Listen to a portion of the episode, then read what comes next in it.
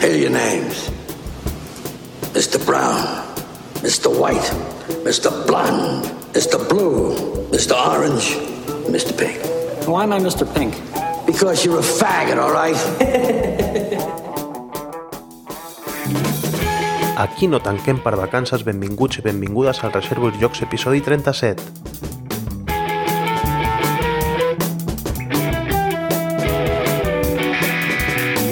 Abans d'anar per feina us comento que ja per fi estem a iTunes i que ens podeu trobar més fàcilment, a part de per la pàgina web i per l'RSS, ens podeu trobar per fi per iTunes i per servei de podcast d'Apple.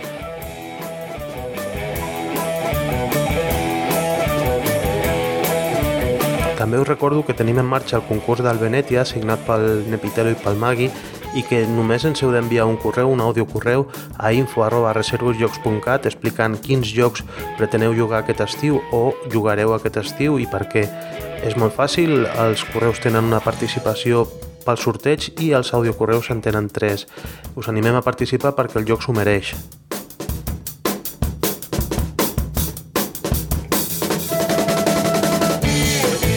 Passo ja a cantar els continguts d'aquest episodi 37 i començarem amb el minut 5 amb una minicrònica que ens fa el Ribo, el Ribo Lingue, que ell és un dels agitadors lúdics, com es defineix ell, del pati d'Igualada i de les pati trobades, ja sabeu, i van organitzar fa molt poquet una trobada que pretenia arribar als 150 jugadors d'una partida simultània de Carcassonne. Ell ens explicarà com ha anat i bueno, nosaltres que som malalts del Carcassonne o que ens l'estimem molt al riu, doncs vam anar allà a sumar i a veure si arribàvem a aquesta fita. Ens explicarà com va anar i també ens explicarà les mecàniques i les eh, ampliacions pròpies que van fer servir a Igualada per donar-li una temàtica més pròpia al joc Carcassonne.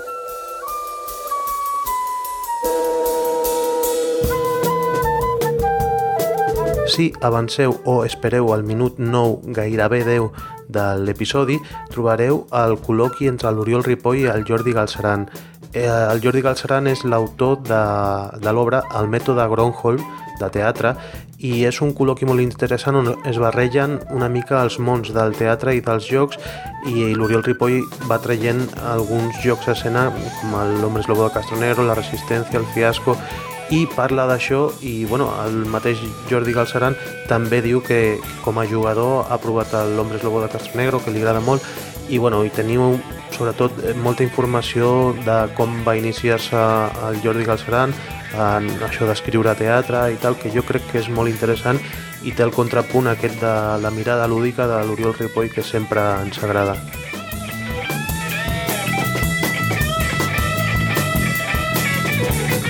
L'única cosa que us advertim que aquest àudio vaig arribar 5 minuts tard perquè depèn dels horaris dels trens eh, allà a l'estació de França i bueno, està gravat 5 minuts eh, eh, començat eh, el col·loqui però tot i així s'entén força bé la totalitat de, de l'espeech d'aquests dos cracs de, de la cultura lúdica i de la cultura escènica i bueno, també la qualitat no és massa bona perquè en arribar jo tard vaig posar la gravadora sobre la taula, li vaig donar el rec i em vaig oblidar i bueno, la gravadora és, és força bona i va registrar bastant bé eh, l'àudio com podreu sentir.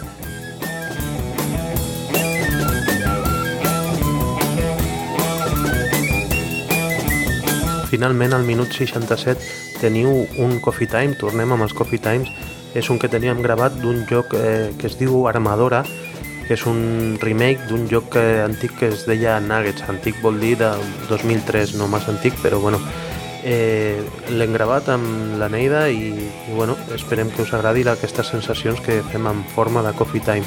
Ja sabeu que ens podeu trobar a les xarxes socials, estem al Facebook, a Twitter, ens busqueu com a Reservos i Llocs i bueno, allà si voleu contactar amb nosaltres i proposar-nos cosetes, doncs allà els teniu molt accessibles.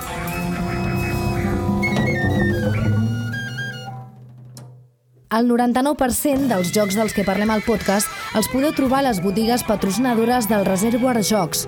Jugar per jugar a l'Avinguda Gaudí número 39 de Barcelona i Zigurat Jocs, al carrer Marconi número 2 de Castelldefels.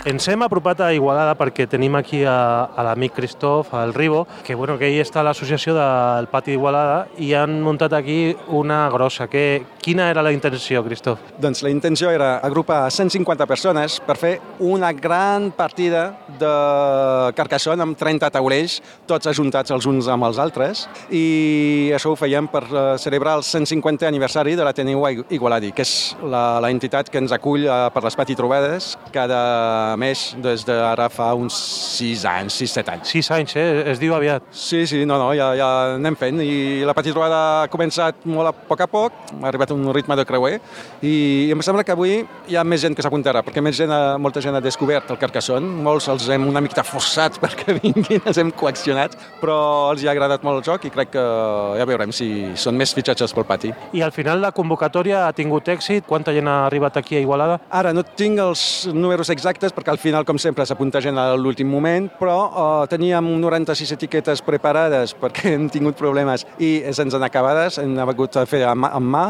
Em sembla que hem passat de 100, de 100 persones. El sistema de joc era una mica peculiar. Per la gent que ja sap jugar al Carcassonne, tenia unes petites diferències. Pots explicar una mica aquestes mecàniques? Hem volgut tematitzar el joc amb Igualada, amb la noia, i a Igualada i a la noia hi ha els, eh, les adoberies.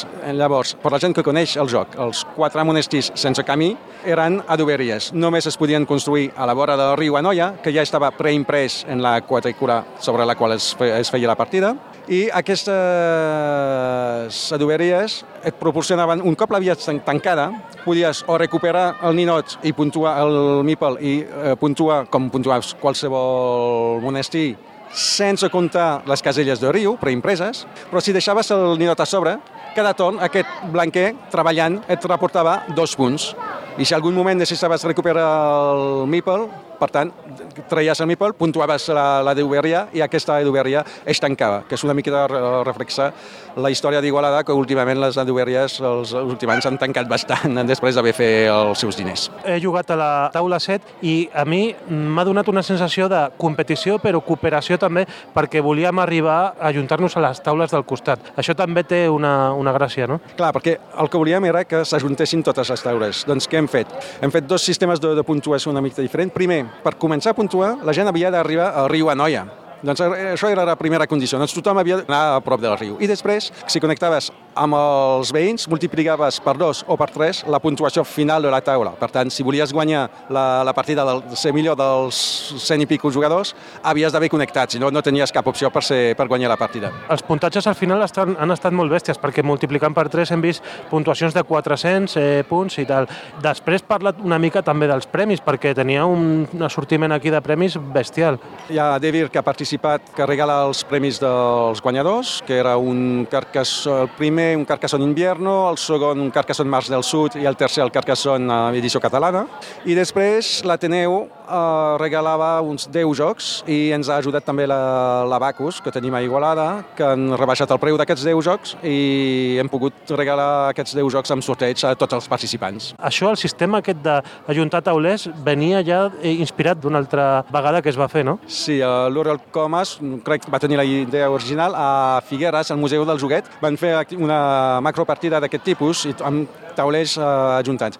Si no recordo malament, van ser una 40, una mica més de 40 jugadors. Oriol, ho sento, però ja t'hem passat. I també em preguntaven alguns participants qui ha estat o quin grup de gent han estat els autors de, del reglament aquest especial de, la, de les adoberies i de, de la temàtica igualadina. Bueno, és una miqueta de, de tots, però el que més ho ha treballat és el Roger, de, Roger Travesset de, del pati i és el que més ha treballat amb les regles, però ha sigut una mica amb aportació de tots, ho hem comentat, ho hem testejat, és col·lectiu, una, una obra col·lectiva. 150 anys de l'Ateneu i 6 de les Patitroubades. Jo m'alegro de que munteu aquests saraus i bueno, seguim de prop una mica el que esteu fent. Gràcies per muntar la macropartida. Bueno, gràcies i eh, a veure si ens veiem i si muntem un campionat de Catalunya. Ara és l'objectiu.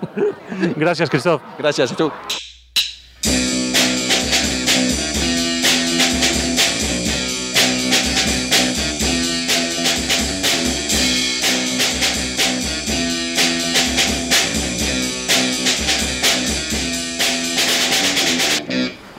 Fes tirar endavant, ho trobés divertit per la comèdia, i la vaig deixar, i al cap d'un temps em va venir com la llum i diu, descobreix que el seu nòvio és de l'ETA. I això em va fer continuar la comèdia i acabar-la. A vegades trobes aquests girs que et fan seguir endavant i a vegades no els trobes. I... Ja et dic que és una manera molt suïcida d'escriure, però a mi m'agrada sentir com a autor el mateix que sentirà l'espectador quan la vegi. És a dir, jo m'he de sorprendre escrivint la història perquè l'espectador també se sorprengui quan la vegi.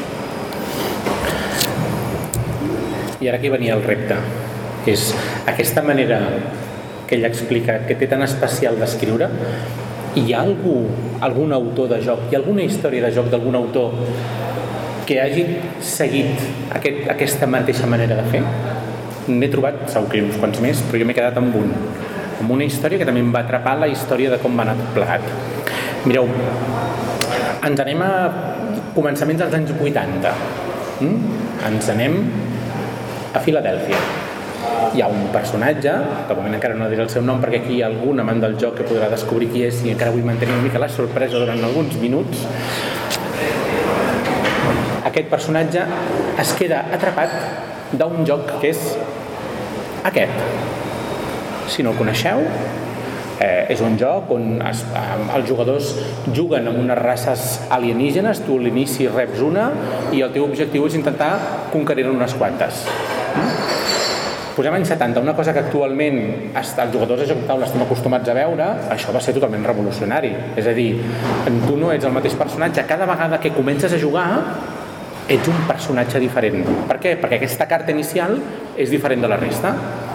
Aquest nostre personatge va dir, doncs, a mi m'encantaria agafar aquest concepte per crear alguna cosa. I ja posats a fer, va dir, hi ha una altra cosa que ja posats a fer posaré en aquesta cassola per fer bullir l'olla una mica, eh, que és la idea aquella de els cromos col·leccionables, que tu de petit començaves a col·leccionar i intentaves aconseguir la col·lecció completa.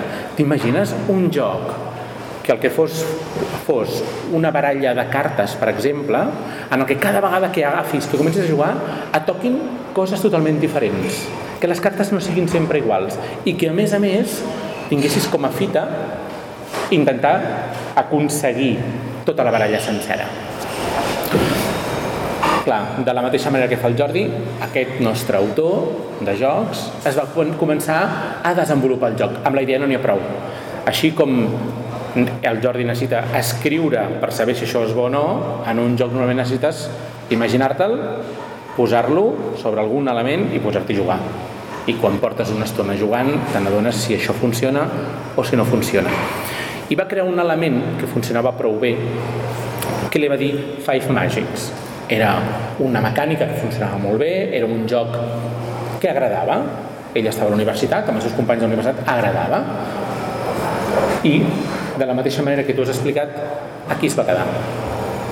Any 82, guardat amb un calaix. Deu anys després, aquest autor van a veure uns editors per intentar editar un joc que tenia. I els editors li van dir, mira, el joc que ens has presentat està bé, però nosaltres volem una cosa petiteta que puguem portar sobre sempre. Volem una cosa com molt diferent, no? que la producció sigui fàcil. I ell va dir, calla, tiraré d'aquest Five Magics que tinc guardat en un calaix des de fa 10 anys, que la idea era bona i no vaig, vaig arribar mai a trobar la motivació com per acabar-lo. I va començar el desenvolupament d'aquest joc Aquí la cosa ja fa una altra pinta, eh? és a dir, ja no és una cosa això guixada inicialment amb els amics, sinó van començar a buscar una mica recorta i pega, eh? eh? no havia internet, bueno, no havia idea, per tant, buscar imatges que poguessin fer servir, crear unes, unes, unes cartes, imprimir-les i començar a distribuir-les entre els amics. Eh?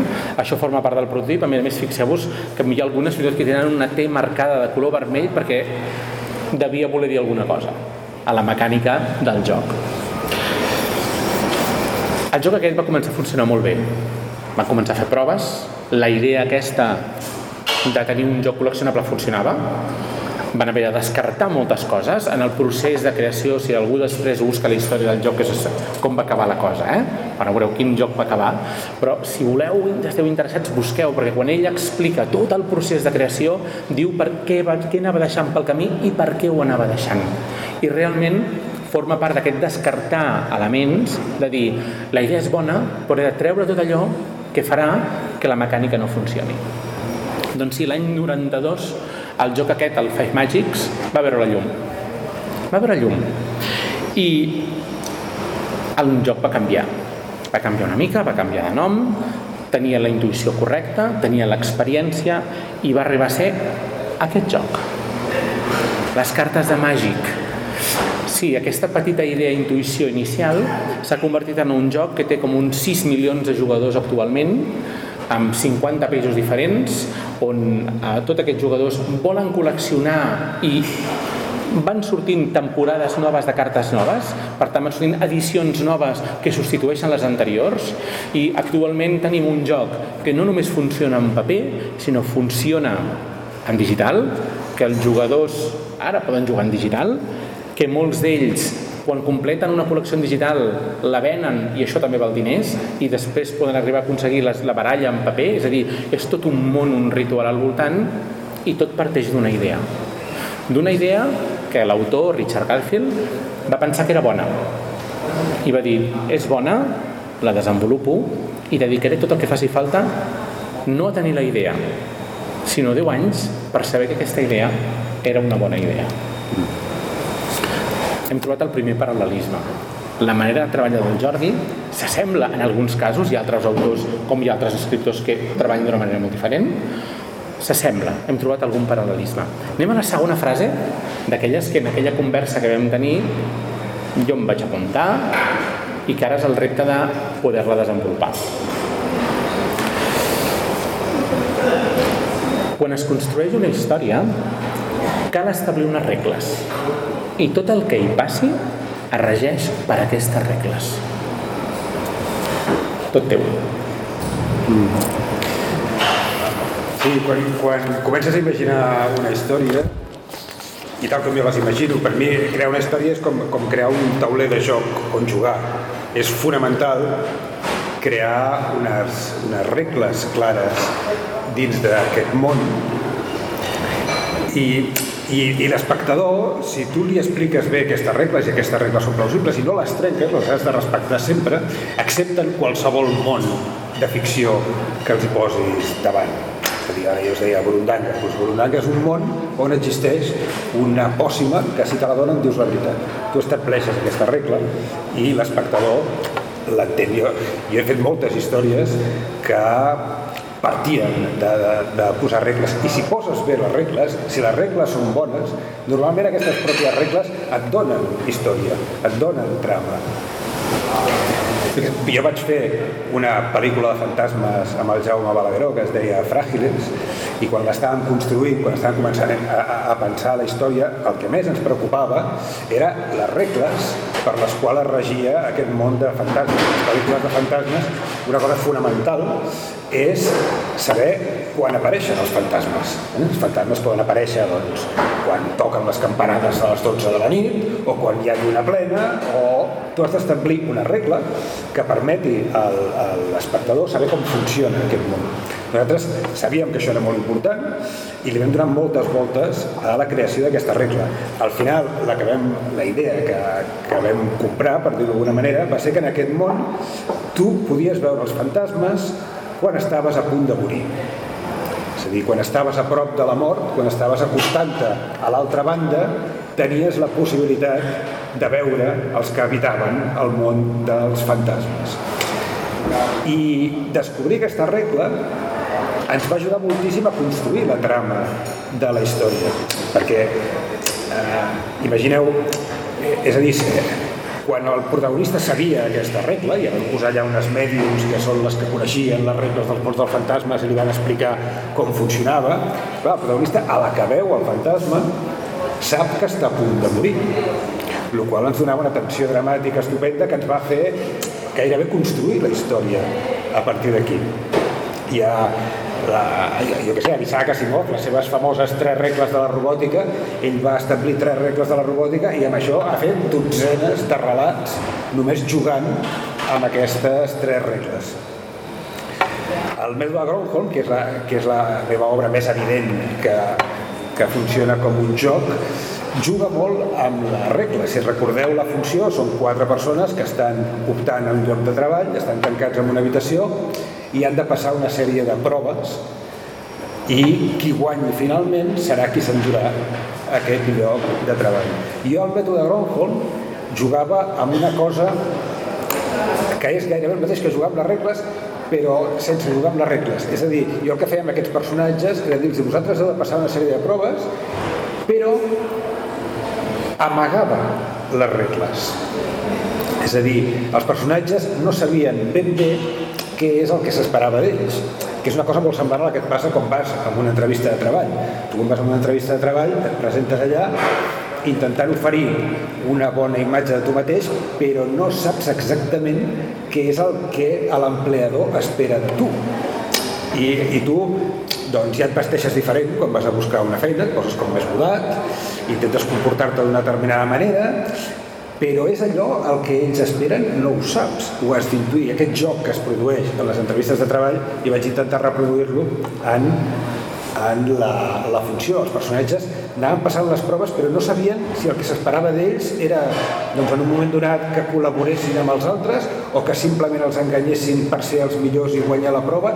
No sabien el que havien de fer i això generava molta tensió dramàtica entre els, els personatges perquè s'estaven jugant una cosa molt important per ells i no sabien ben bé quines eren les regles d'aquell món.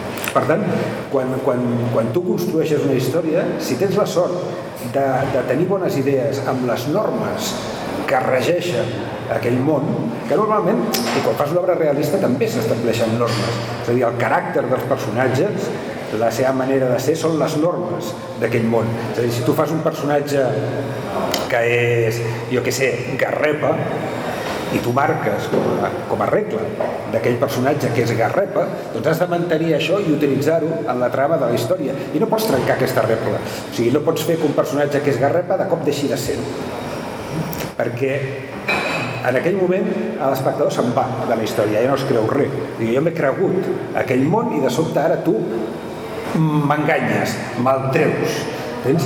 Sempre s'ha de ser com coherent i lògic quan construeixes una història. No hi ha d'haver coses que apareguin a la, ja, a, en, l'argot dels, dels guionistes, d'això se'n diu un deus ex màquina.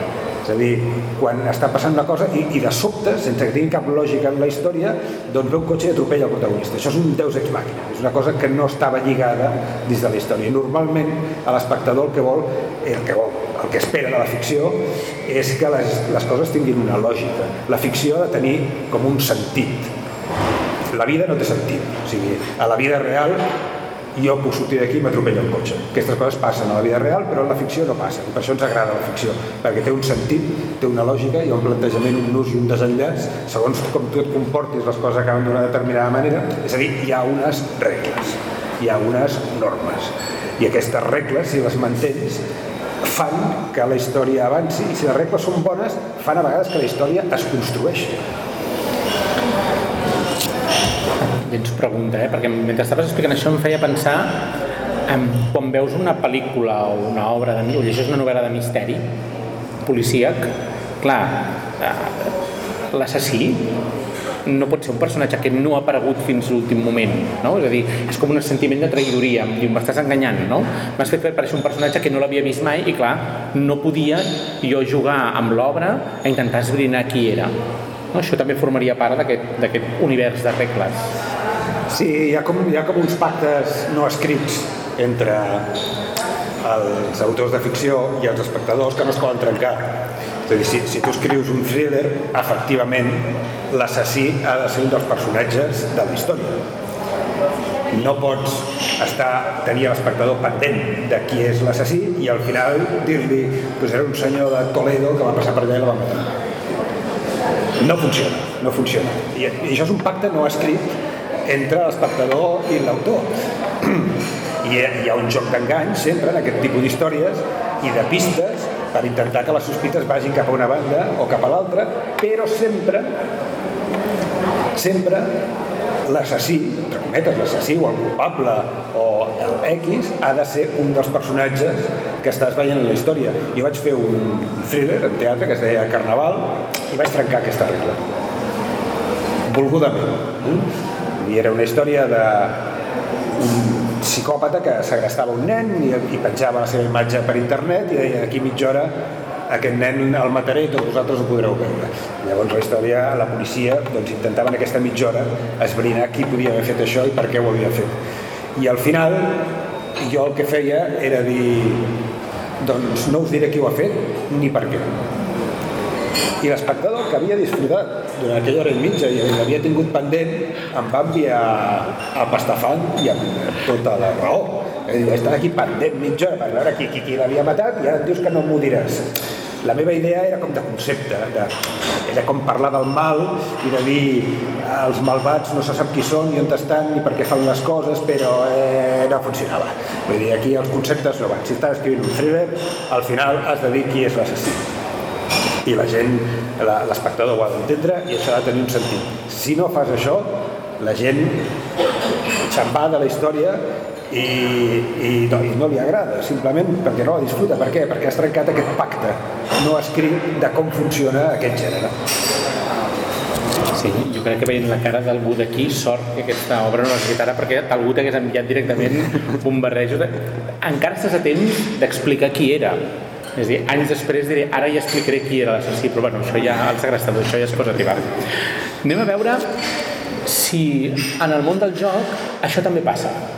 Mm? És necessari crear un món amb unes regles? Sempre ens imaginem i, i anem a caure, anem a pensar en les coses que, que tots hem jugat segur, un joc de taula. Un joc de taula són regles, bàsicament són regles, és el que ens creiem.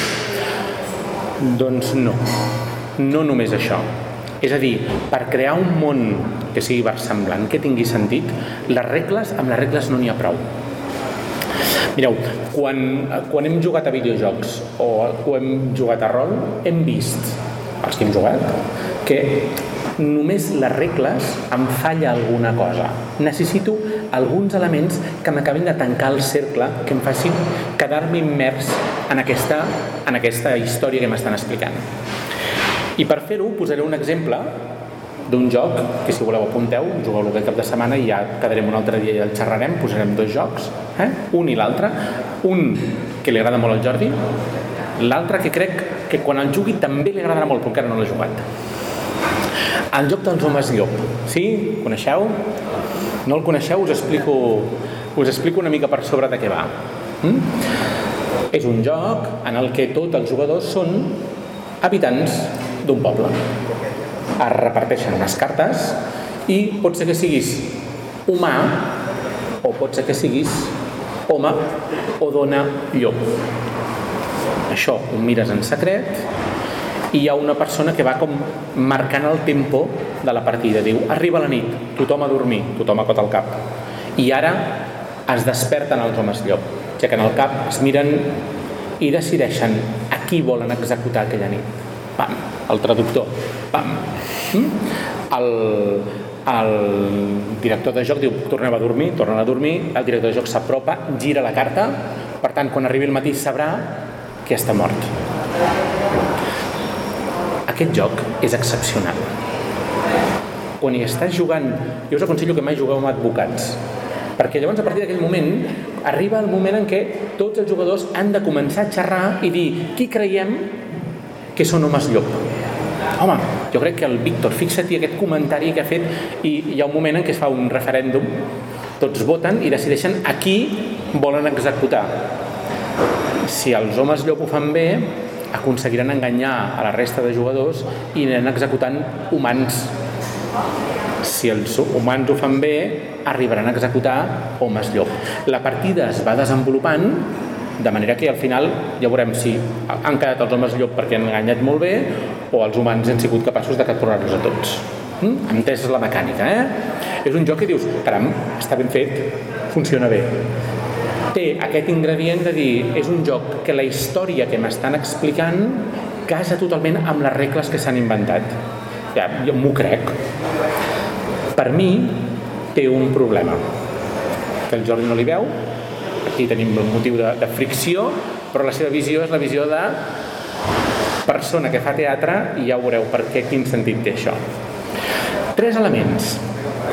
El primer element, unes regles. Un joc ha de tenir unes bones regles, com una obra, la que sigui, una obra escrita, una obra de teatre, una pel·lícula, que el món que has creat, les regles que has creat, funcionin. En aquest cas, el que ha de passar és que el jugador quan comenci, el mal joc el saps perquè hi ha un moment en què dius ja sé que perdo, si això passa a la, a la penúltima jugada té gràcia. Si això passa a la primera, té un problema. O a l'inrevés, i ja sé que guanyes. Per què? Perquè és un joc fet de tal manera que sempre acabaràs guanyant. La teva manera de fer farà que acabis guanyant sempre. Les regles estan ben fetes quan permet que el jugador gaudeixi, si no fins l'últim moviment, gairebé fins l'últim moviment. Als homes llop, això li passa hi ha una tensió fins cada, cada matí quan es giren les cartes es miren, es mira qui és la persona morta i quan la gent acaba de ser una persona a qui volen executar, la tensió funciona. Per tant, és un joc que per mi les regles funcionen molt bé. La segona és la història que s'explica. En aquest cas, la història que s'explica va molt relacionat amb les regles. És un joc d'identitats ocultes. Jo no sé qui sou vosaltres, i per tant té lògica amb la història que estan explicant jo no sé si tu ets home llop o tu ets home llop jo sé el que sóc jo i a vegades amb problemes perquè expliques tantes coses que no te'n recordes ben bé qui eres això és molt important.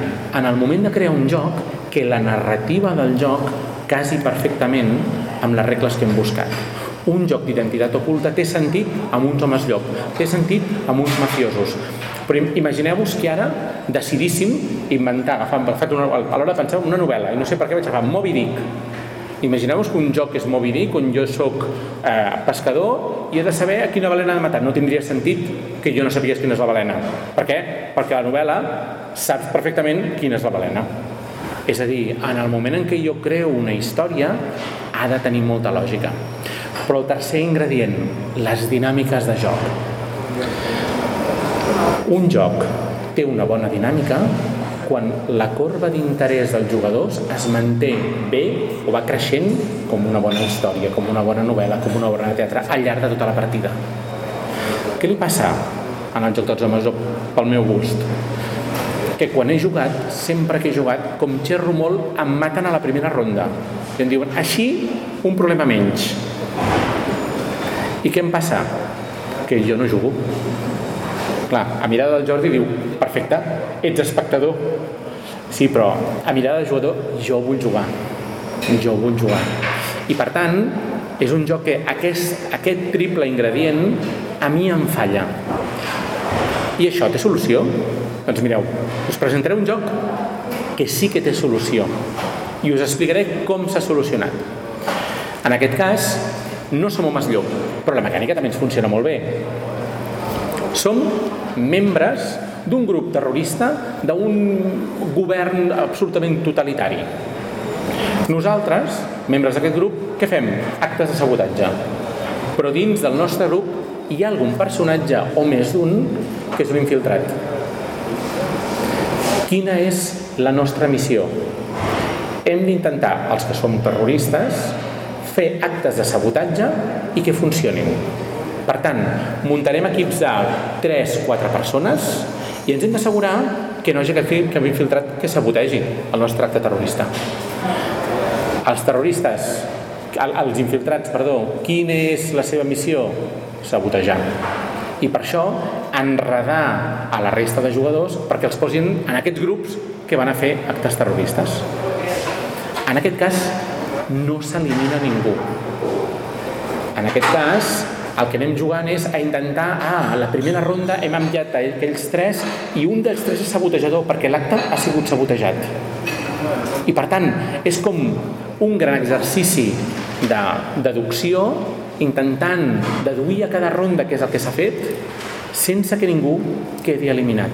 I fins a l'última ronda tots els jugadors sempre juguen.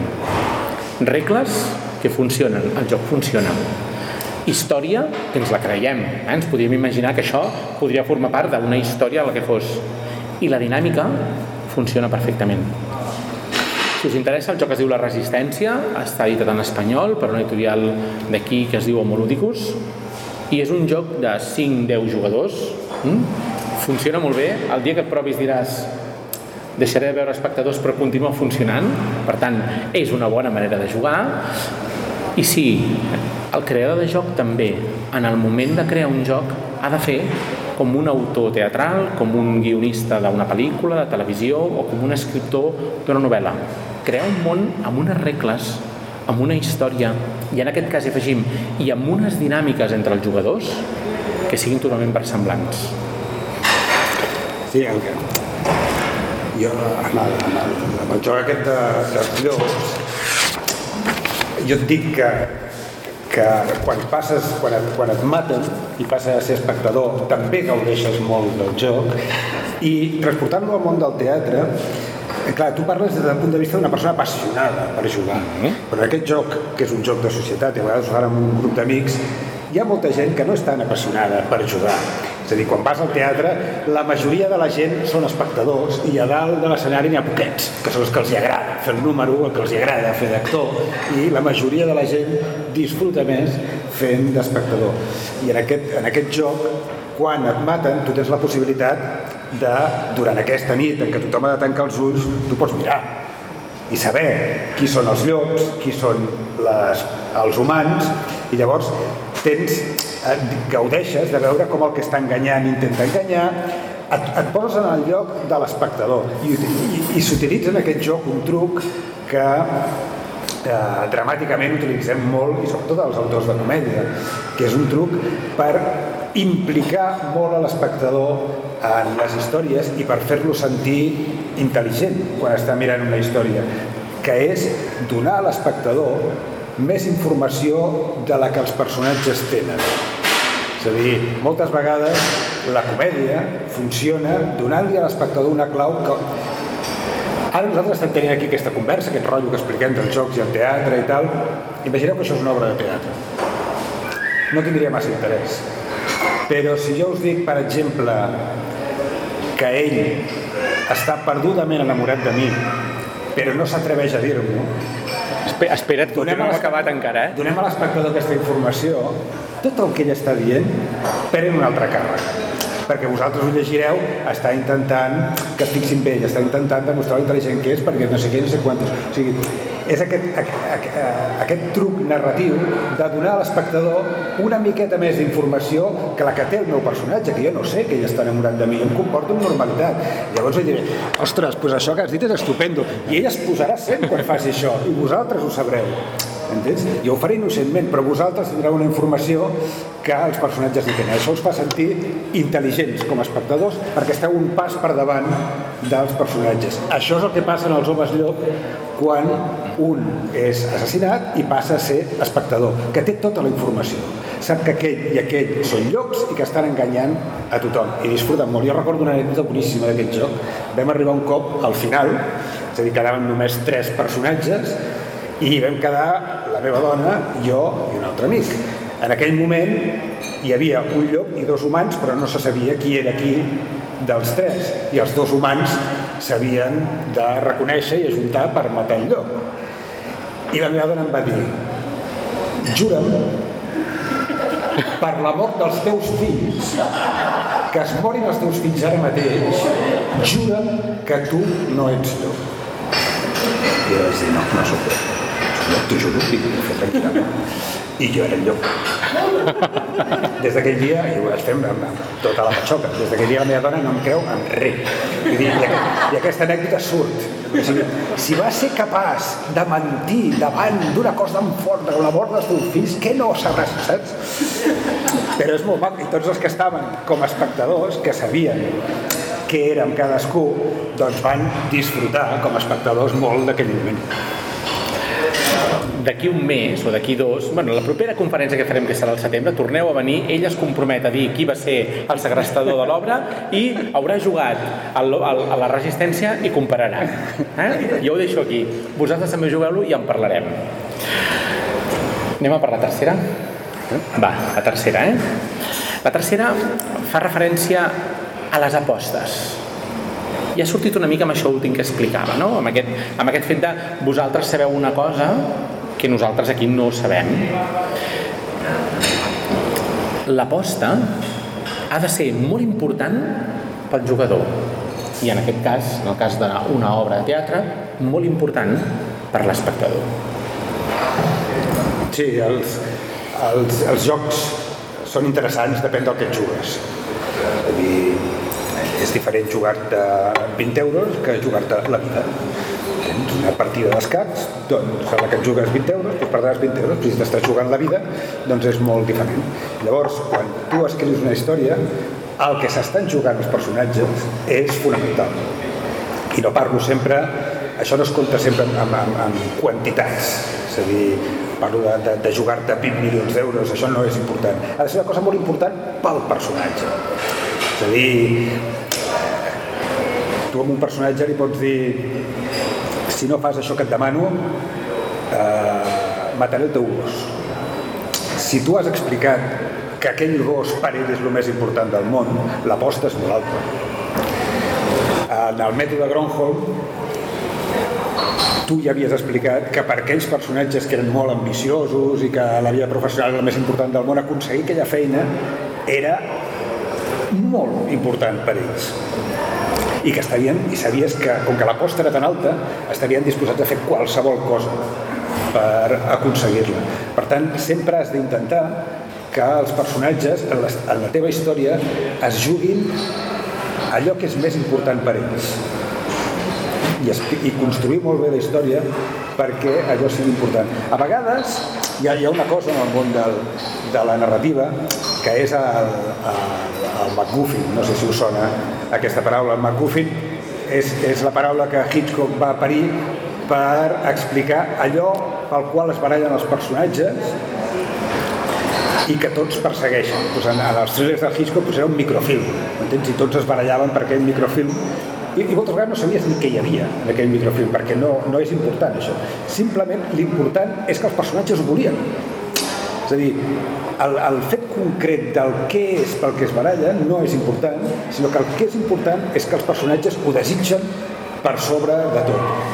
I moltes vegades no arribes ni a saber què és. En, en, en, en dotzenes de thrillers s'estan barrejant per la, per la fórmula de no sé què. Saps? I tu no saps què és aquesta fórmula, però és igual, tots ho volen. Llavors la història és interessant. Per què? Perquè els personatges realment desitgen allò.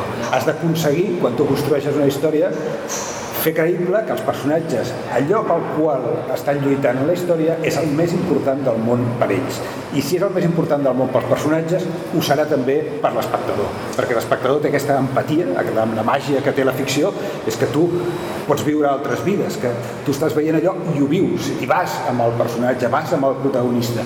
I si ell, i si ell eh, pateix molt per la mort del seu canari, tu ploraràs amb ell quan se li mori el canari. Igual després quan surtis del cine diràs, per favor, que burro soc aquí plorant perquè s'ha mort un canari. Però per què? Perquè tu anaves amb aquell personatge al qual el més important del món era el seu ocellet. No? Així funciona les apostes en les històries.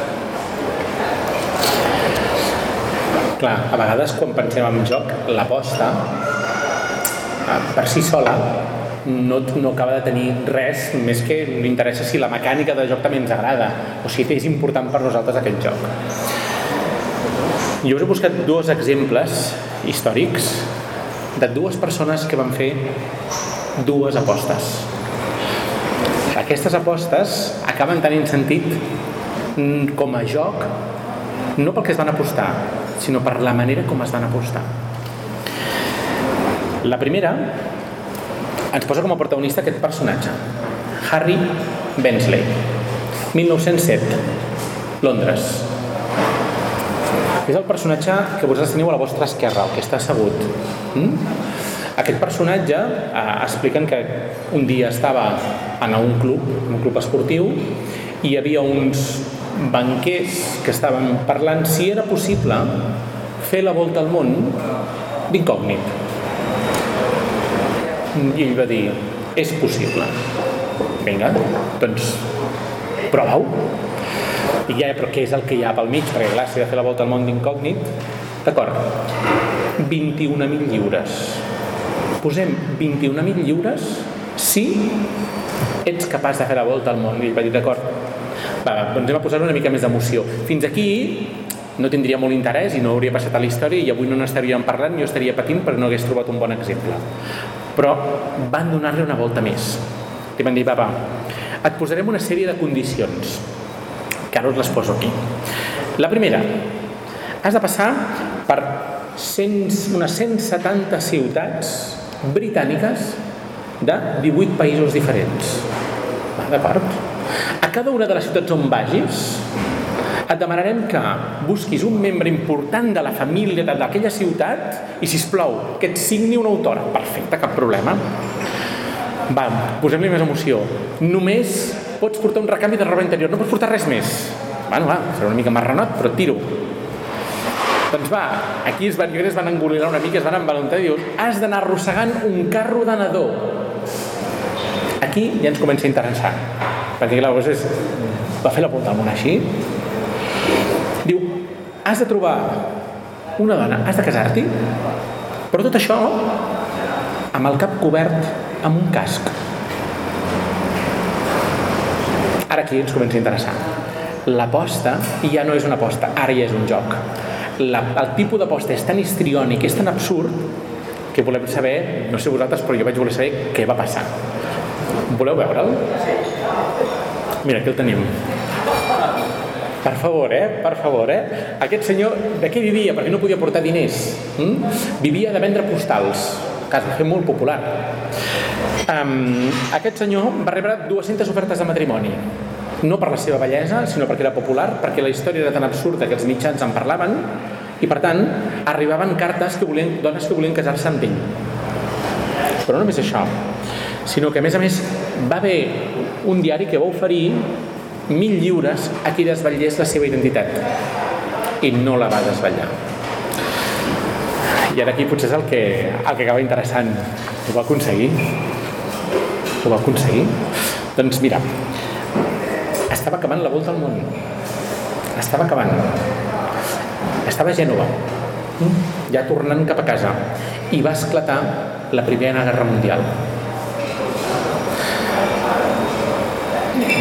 Aquí hi ha dues opcions. Una opció, creure el que ell va explicar, que ell va dir, jo vaig creure que havia a salvar la pàtria i vaig tornar, vaig treure el casc i vaig tornar cap a casa. L'altre va dir, no vull problemes i me'n vaig cap a casa. Eh? Són dues línies d'investigació. Sigui com sigui, no va acabar de completar el repte. Va cobrar l'aposta? Bueno, els dos banquers es van apiadar. 21.000 lliures no li van donar, però es veu que li van donar un, una bona quantitat de calés. I aquesta història per què la va fer? La va fer perquè el repte, no els diners, no només els diners, sinó tota la bogeria que s'explicava al voltant era tan absurda que va dir, va, si és tan absurd, jugo. També expliquen i ara tiraré una mica d'aigua al vi, que tot això va passar després d'una partida de cartes, on ell havia perdut una quantitat immensa de diners. I els senyors a qui els hi diners te'ls perdonem a canvi de... Jo posats a fer em quedo un primer, la, la primera història que em sembla que és més interessant. Però no només això, no només perquè el paper de l'aposta era important, sinó perquè aquesta cosa histriònica. Pot haver un altre element que fa que un jugador digui, sí, sí, l'aposta que vull fer vull jugar-la. Mireu, us presento a un personatge conegut com Canadà Bill. Canadà Bill. Era, a priori, un bon tafur, un bon jugador de cartes que sabia fer moltíssimes trampes. Només tenia un problema. Tenia una pinta així una mica xalabrada, a més a més, eh, expliquen que feia un posat bastant de tonto moltes vegades, a més a més tenia una veu molt aguda i que tot plegat um, com a tafur no, no acabava de quallar la cosa. I així que ell es dedicava normalment no a fer de tafur sinó a fer de triler.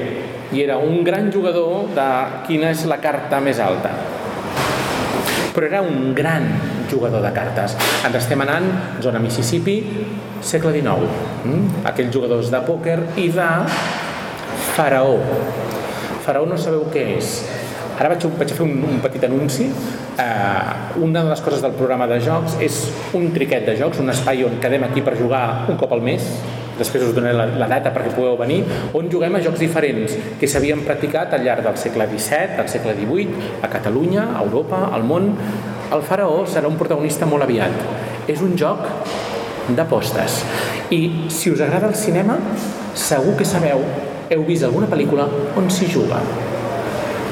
Barry Lyndon. Heu vist Barry Lyndon? Si no, recupereu-la. És una pel·lícula que ha aguantat molt bé el pas del temps.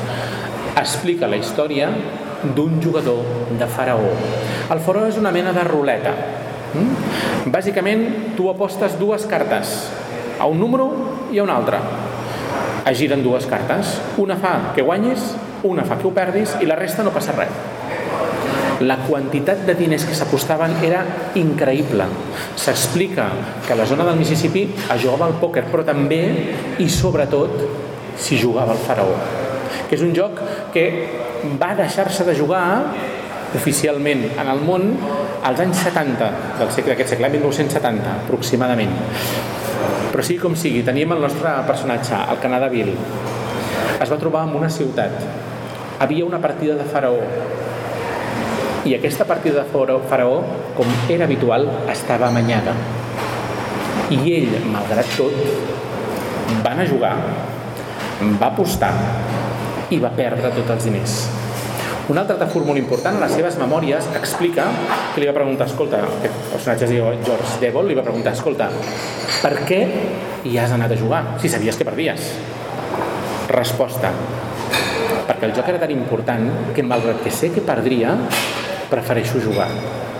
A vegades volem jugar, volem seguir l'aposta perquè la manera com ens ho hem prestat ens agrada perquè és un joc en si mateix, a vegades el joc és tan important que és igual, perdré, però continuaré jugant. Tres frases, tres conceptes. Eh?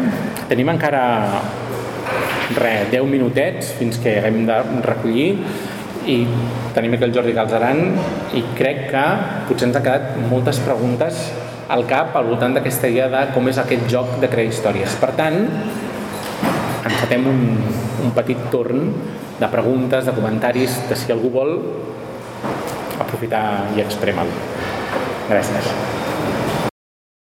Aquí ja era el torn de preguntes i bueno, el micro no, no funcionava, el micro que anaven passant pel públic i jo li vaig fer una pregunta al Jordi i era que, bueno, si coneixia alguns mètodes de teatre com el teatre l'oprimido o el teatre foro que fan pujar a, a part dels espectadors a l'escenari per, per interpretar i si, bueno, si ho relacionava ja amb el joc i ho considerava joc i si li agradaven aquestes tècniques de teatre social que fan partíceps al, al públic i bueno, com, com no s'escoltava el micro pues, l'he gravat eh, fora, bueno, aquí a, a l'estudi i us la passo perquè pugueu seguir la, la resposta. A mi no m'agrada gens. És a dir, tal com jo entenc el que és teatre, hi ha unes persones que actuen i unes persones que miren. Quan trenques, que se diu la quarta paret, des del punt de vista no estàs fent teatre. Pots estar fent revista, eh? la vedet que baixa i se senta a la, a la falda dels senyors i diu coses, o pots estar fent psicodrama, que és una mica el que et referies tu, que, que hi ha doncs, aquestes activitats on els espectadors eh, passen a, a, a, al paper de personatge i la pretensió sempre és com terapèutica o per, per fer crítica social o té alguna pretensió que va més enllà del plaer de gaudir d'una història de ficció. A mi, com a espectador, em molesta moltíssim quan els personatges baixen de l'escenari i comencen a ficar-se amb tu. Trobo que és trencar com una convenció, a dir, escolta, jo he pagat per estar aquí amagat i mirar-te. Entens? No vull passar a ser protagonista de la història. I a mi no m'agrada gens. Ara bé, hi ha experiències teatrals que juguen amb això, ser la fura dels baus, eh, que juguen amb això i, i la gent ho accepta eh, totalment. I he anat una vegada a veure un espectacle de la fura dels baus, ara ja han canviat i són més teatrals, però van començar a fer-me unes coses que jo vaig dir no, no vindré mai més, no vindré mai més. Per què? Perquè no jugo, això, és un joc que no em diverteix. És el que parlàvem una mica abans. Que si tu ets jugador t'agrada jugar, però també hi ha gent que els agrada només mirar.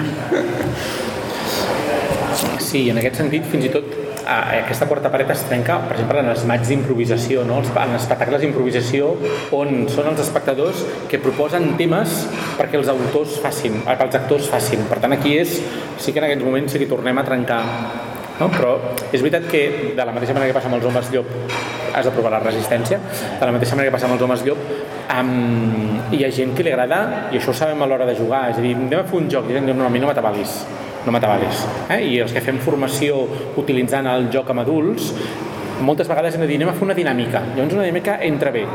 Anem a fer un joc, no vull fer-lo, no? És aquest el, el paràmetre. Doncs he d'anar a veure un teatre on algú em farà pujar a l'escenari, no vaig. No, no em facis pujar a l'escenari, no vull. No?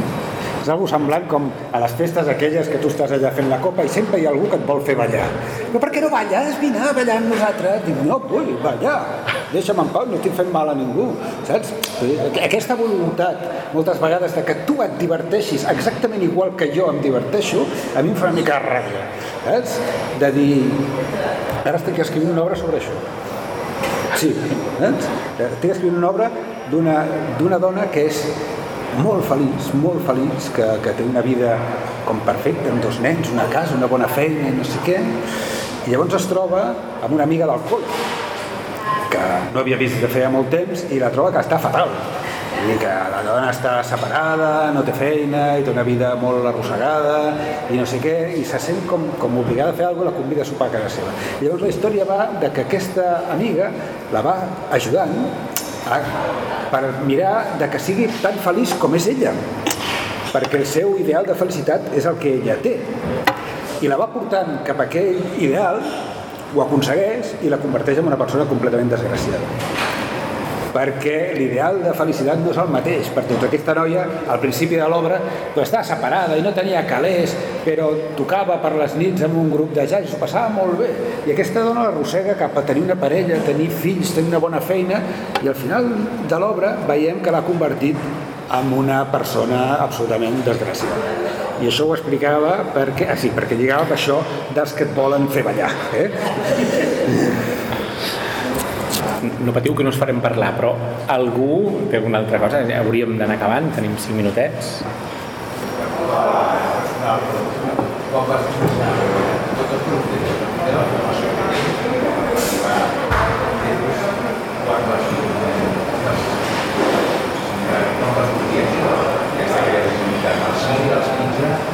La, la, per, perquè no n'heu sentit perquè ha provat el micròfon, però d'això sí. eh, ha sigut a quina edat vas començar i quins estudis tens, eh? Perfecte. Sí, aviam, jo, vaig, jo sempre he estat de lletres, per entendre'ns, i vaig estudiar Filologia Catalana, i a mi del teatre em ve, jo, jo vinc del teatre amateur, del teatre aficionat, i jo vaig començar a fer teatre aficionat quan feia cou, i aviam, sempre m'havia agradat escriure i això, però a cou al, al, al col·le on jo anava, que eren els salesians, només hi havia nois en aquella època, i havíem d'anar a fer col amb un altre col·le, i en aquest col·le, eh, era, que era el Sagrat Cor, només eren noies, i ens vam ajuntar a cou, doncs tot de nois que només havien anat nois sempre, tot de noies que havien anat sempre noies, i aquell any de cou és com mític. I eh, entre aquells nois i no, entre, entre les noies i uns nois de fora tenien un grup de teatre que funcionava, un grup de teatre aficionat. I jo m'hi vaig ficar, jo crec que pel millor motiu del món, que és que hi havia una noia que m'agradava molt. I em vaig ficar en aquell grup de teatre per veure si eh, el roce hace el cariño.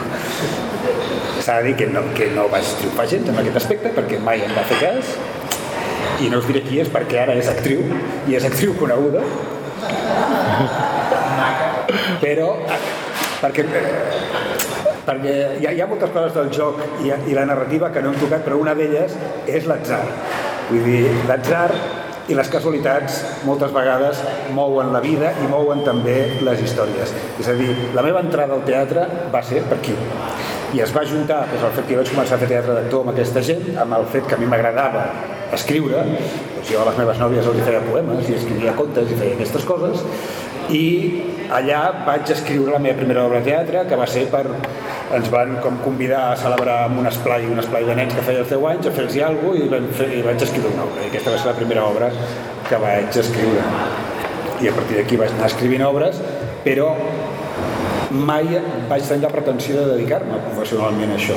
Vull dir, jo quan vaig acabar la carrera vaig fer classes de català, vaig, després vaig treballar al Departament d'Ensenyament molts anys, vull dir, la meva vida professional anava per una altra banda i la meva afició va ser fer teatre aficionat com per una altra pot ser anar a pescar o jugar i l'any 95, o sigui que ja tenia 29 anys, vull dir, no era un xavalín, les dues últimes obres que havia escrit per fer-les amb el nostre grup de teatre aficionat, que eren Paraules encadenades i Dakota, les vaig enviar dos premis i van guanyar les dues. I aquí va canviar la meva vida perquè a partir d'això un es va produir, Dakota es va produir, va tenir èxit, em van oferir feina per escriure serials a la televisió, perquè van veure l'obra, van dir que aquest noi té gràcia com escriu, vaig començar a escriure per Nissaga de Poder, vaig veure que escrivint per Nissaga de Poder guanyava més i treballava menys que el Departament d'Ensenyament i vaig dir, doncs intentarem viure d'això, vaig deixar la feina i fins avui. Però vull dir que és evident que t'ha d'agradar, has de tenir una tirada cap a l'escriptura, has d'haver escrit i tal, però després la vida té moments atzerosos que et porten cap aquí o cap allà. Vull dir, després he conegut els jurats que van premiar Dakota i Paraules encadenades. Jo les vaig enviar un al Borg l'altre a l'Ignasi Iglesias, que ha desaparegut. Si les hagués enviat al revés, o sigui, si hagués enviat Paraules encadenades al, al jurat del Iglesias i l'altre al Borg, no haguessin guanyat cap de les dues, perquè no els agradava. I ara jo no estaria aquí dient tonteries, perquè estaria al Poble Nou fent teatre aficionat, perquè en aquesta vida, a més de, de tenir talent i de treballar molt, has de tenir sort. Has de tenir sempre un cop de sort. El meu cop de sort va ser aquest. Si no hagués tingut aquest cop de sort, doncs jo ara seguiria treballant al Departament d'Ensenyament i fent teatre aficionats al Poble Nou i ben feliç. Però a vegades la vida, pum, té aquests moments, has d'estar com preparat. Dir, has de tenir una obra escrita sota el braç quan tens el cop de sort, no? Si no tens una obra escrita, doncs no, no passa res, no? Però tampoc n'hi ha prou tenir una obra escrita. Jo tinc amics que escriuen molt millor que jo, que tenen molt més talent del que jo tinc i no han tingut la sort que jo he tingut en el món del teatre, de tenir bones produccions i tal, i, i, i és tan cruel com això. Aquest puntet que a vegades et fa canviar la vida. Per un segon ens hem imaginat, eh? Que, no, que haguessis enviat a l'inrevés, ja potser estaries assegut allà a la tercera fila i faries una pregunta com el noi d'aquí al darrere, que serà l'última. Com se't va acudir el mètode de Gronholm? Eh? Tradueixo pels que no ho heu sentit. El, el mètode Gronholm bueno, té una miqueta d'història perquè va venir, o sigui, vaig, fer de, vaig estrenar Dakota i Paraules encadenades, aquestes dues obres que que va guanyar aquests premis, i llavors van tenir molt bones crítiques i era com la gran esperança blanca del teatre català i vaig pensar, ara ja no puc escriure aquestes tonteries que escrivia pel meu grup amateur, ara he de fer coses importants, coses parlar dels grans temes d'ayer i hoy. I això va significar que vaig estar 5 anys sense escriure res, perquè, perquè no sabia què escriure. Vaig estar com treballava perquè jo estava treballant per la tele i escrivia molt i feia molts guions de sèries i tal, però teatre no em sortia res perquè jo volia ja escriure una cosa important, saps? No una tonteria com allò que havia fet abans. I estava així falcat i llavors el, el Sergi Belbel, que començava a portar el, el TNC, em va agafar per un projecte que tenien que es deia T6, que agafaven un autor, ens donaven un milió de pessetes, d'aquella època, 6.000 euros, i et donaven un any per escriure una obra i te l'estrenaven segur.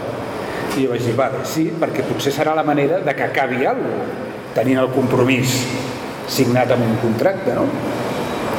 I gairebé un cop vaig signar el contracte, dic ara que escric, vaig tenir com un punt de reflexió que ah, us semblarà tonto quan ho digui, però a mi em va costar molt de donar-me'n, de dir, aviam, Jordi, si aquelles obres van agradar tant i tu les vas escriure pel teu grup de teatre amateur, el que has de fer és tornar a escriure pel teu grup de teatre amateur. Això és el que va agradar de Dakota per a les encadenades. I el mètode Gronholm la vaig escriure amb aquesta intenció. Em vaig ficar al cap que era per fer-la al centre moral del Poble Nou. I la, el punt d'inspiració va venir d'una notícia del diari. De, va, va ser una notícia que una setmana se'n va parlar, una noia, una periodista, havia trobat a la paperera tot de papers amb sol·licituds de treball i les impressions de la persona que entrevistava en aquestes candidates i el que apuntava aquella persona al paper doncs eren coses, esta no por negra, moraca no sabe ni dar la mano, gorda, no me va caber en la caja. Era, era per, per un lloc de caixera de supermercat. Llavors van trobar pues, que això pues, era xenòfob i no sé què, i una mica rebombori, i aquest, i aquest seleccionador personal el van despedir per això. I a partir d'aquí jo vaig començar a pensar que aquesta situació era molt teatral.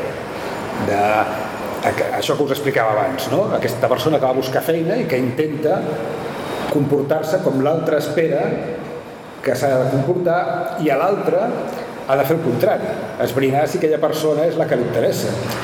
I tu no saps les regles, perquè, vull dir, aquest, una de les coses que havia de mirar és que no, que no fossin cordes, perquè no li cabrien dins de la caixa. Entens? Aquesta regla no, no es podia posar a la solidaritat de treball, no es podia posar, buscar vos cajeres gordes, no. Entens? Però era una de les regles que ell tenia. I a partir d'aquí, donant-li voltes i portant-ho a l'extrem, vaig ficar quatre personatges en una sala i, els, i a fer-los fer proves. Però la, el, el punt de partida va ser aquesta notícia del diari. És a dir, que està aquí per casualitat perquè va enviar les coses al revés. I un seleccionador de personal fent una cosa que no tocava va aconseguir que tornés a estar aquí i continués eh, aquesta història. L'atzar del que no hem parlat i un altre dia n'haurem de parlar. Eh, són les 8 i 10 aproximadament. Han, han de preparar les taules per un xef que tenen aquest vespre moltes gràcies a tothom. Apunteu-vos la data, traieu la gent abans de marxar, eh? 17 de, de juny. Aquest dia venim a jugar. Cada cop que ens trobem, presentem un joc, presentem la seva història, aprenem les regles, el juguem i això sí, apostem. Perquè fem una petita lliga. El millor de cada trimestre guanya un sopar, aquí, per dues persones. Per tant, ja ho sabeu, la, la primera, aquesta lliga ja ha començat, que va començar l'altre dia, però bueno, veniu, veniu igualment i ja, ja farem, no patiu. Doncs moltíssimes gràcies a tots, moltíssimes gràcies per venir, gràcies Jordi i fins la propera.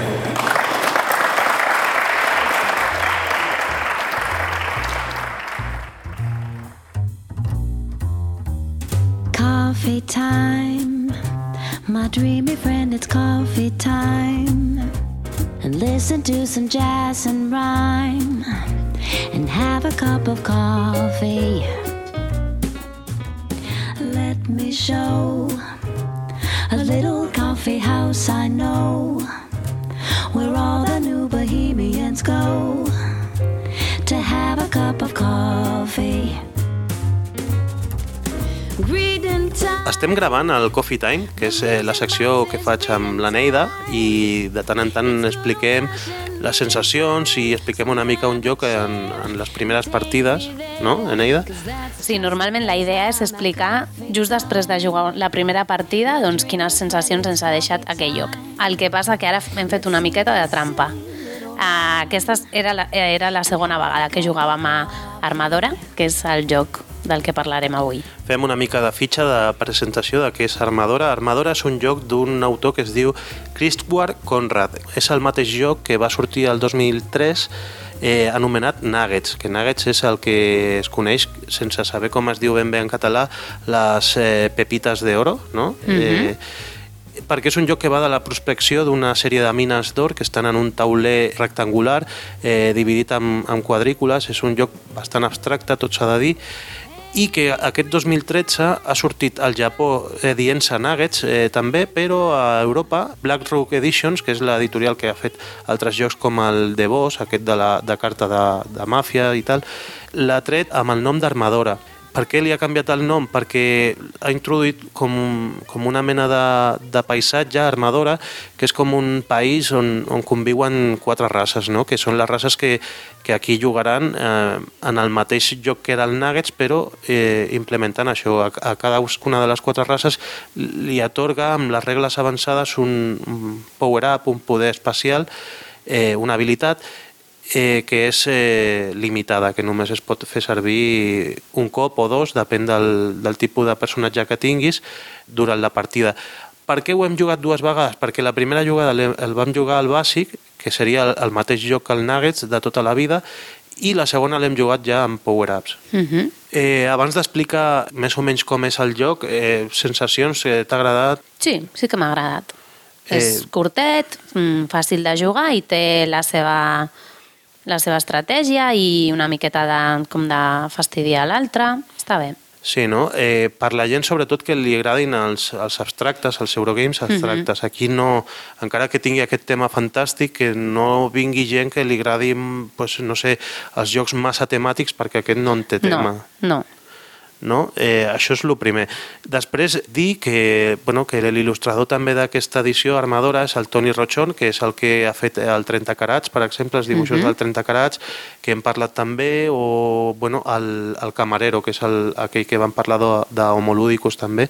Bueno, aquest, eh, aquest il·lustrador està fent bastants eh, treballs i eh, dir que aquest, per exemple, el Camarero és molt desenfadat, eh, aquest sí que el tema fantàstic també ho ha clavat bastant perquè bueno, ha fet els personatges, estan bastant ben lograts i després el, el tauler és bastant funcional, no? Es, es distingeixen molt bé on han d'anar les mines i, i bueno, funciona. Porta també quatre pantalles, que són pantalles per, per amagar els tokens, perquè els tokens tenen una numeració, i ara ja pues, estem explicant una mica el Com joc. la mecànica. Com ho, ho presentaries tu, més o menys? Doncs això, com ja has dit, tenim un taulell de, de 5 per 8 caselles.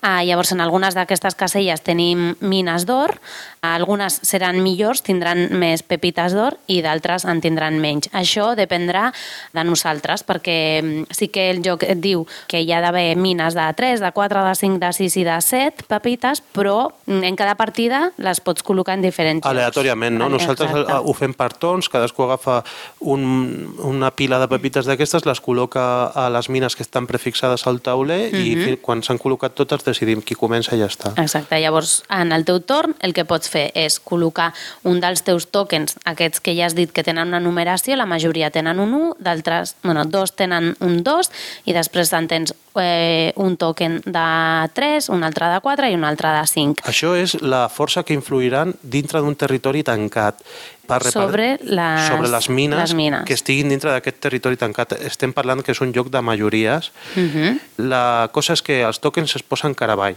Exacte, tu pots posar un token cara avall perquè l'altre no sàpiga quin token hi estàs posant, o si no el que pots fer és col·locar dues tanques, aquestes que aniran mm, delimitant els terrenys que s'aniran creant. Sí, eh, estàs parcel·lant el, el, el, el tauler de lloc. El que passa és que hi ha una norma que diu que no, no es pot parcel·lar un territori de menys de quatre caselles eh, convencionals de, del lloc.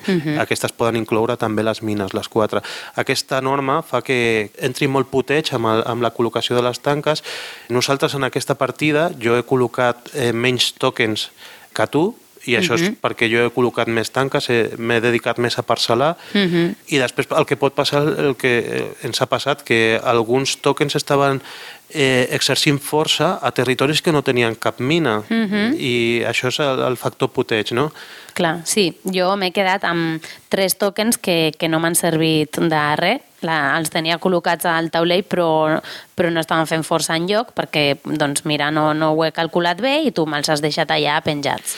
Puntuació final, 21-19, bastant ajustat. Eh, La primera partida va ser més descompensat. Sí, la veritat, a la primera partida ho vaig fer fatal. Primer vaig col·locar tots els tokens molt forts i me'ls vas deixar doncs, o això, o penjats o potser fent força només en una mina de 3, una cosa així. I jo crec que, bueno, avui li he agafat una miqueta el truquillo, però tot i així m'he quedat a dos punts de tu.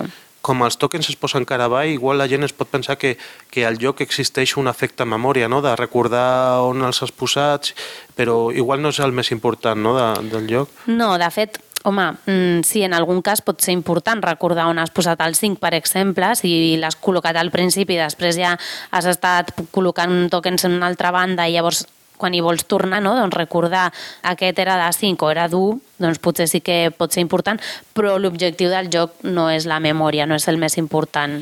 Sí, havíem establert que segurament el més important del tema de col·locar-los cara avall és una mica el bluffing que pot eh, aportar Clar. al lloc, no? que igual col·loques al costat de la mina de 7, que és la més valuosa, mm. un de 1, perquè l'altre jugador es pensi que has col·locat el de 5, te l'intenti mm. anul·lar i mentre ell està fent esforços per anul·lar-te aquest token 1, tu encara tens el de 5 que te'l guardes per cap a mitja partida en- endavant, que ja està tot més parcel·lat, més repartit mm -hmm. i bueno, aquí està una mica l'estratègia. No? Després parlem una mica de les, de les races, hi han quatre, un mag, un elf, un orc i un goblin. I cadascú té els seus power-ups, es pot jugar amb, amb els power-ups o sense.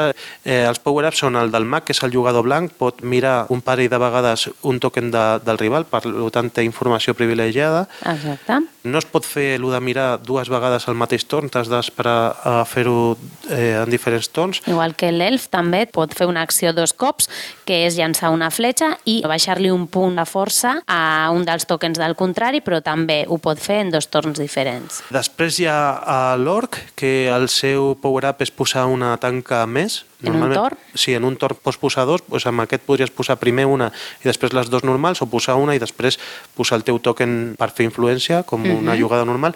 I després hi ha el Goblin, que el Goblin és el jugador negre, i aquest pot col·locar de manera extra també en un torn un token més. Uh -huh. El que passa és que això és important, sí. El, Sí.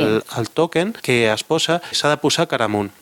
O sigui que sí que pots posar dos tokens seguits, però el primer, quan utilitzes el power-up, l'has de posar a vist. O sigui, has de Sí, l'altre ha de saber si és un 1 o és un 4 o és un 5. desvetllar la força, sí. I aquests són els power-ups. Després, com a joc, a què ens ha pogut recordar que hàgim jugat nosaltres? A mi m'ha recordat el Bauhaus. Mhm. No és del tot igual, evidentment, però sí que això d'anar parcel·lant i, i d'allò que queda dins és el que et dona punts o no et dona punts, sí que m'ha recordat el Bauhaus. Sí, recorda pel tema de les tanques també i dels tokens. La diferència seria que, bueno, al Bauhaus la puntuació l'anem introduint i es va movent durant tota la partida perquè són els tokens que al final Mhm. del mateix color queden requadrats dintre d'una casella. I Aquí- aquí està ja tot prefixat dintre el mapa. Sí que cada partida és diferent perquè distribueixes les mines de manera diferent, però sempre estan al mateix lloc les Mhm. mines, no? O sigui, la quantitat d'or que tenen les mines és diferent, però sempre estan al mateix lloc.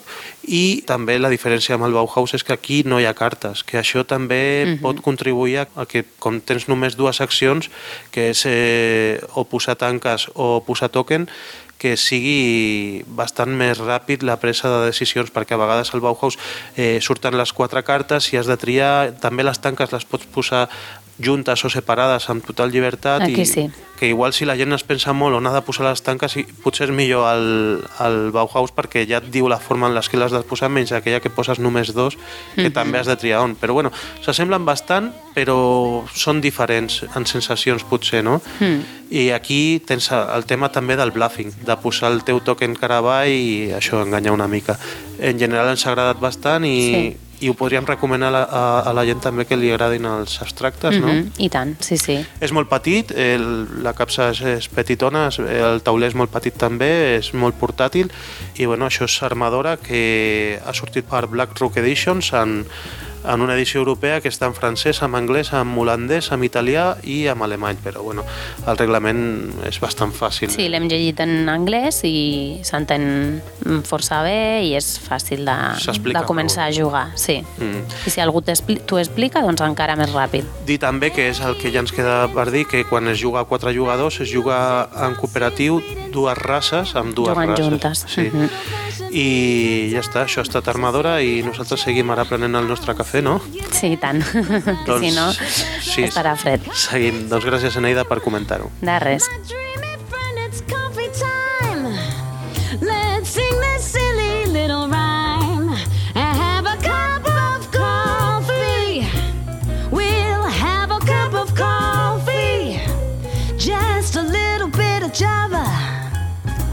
Yeah, well, have a cup of Joe, don't you know? Cause it's coffee time.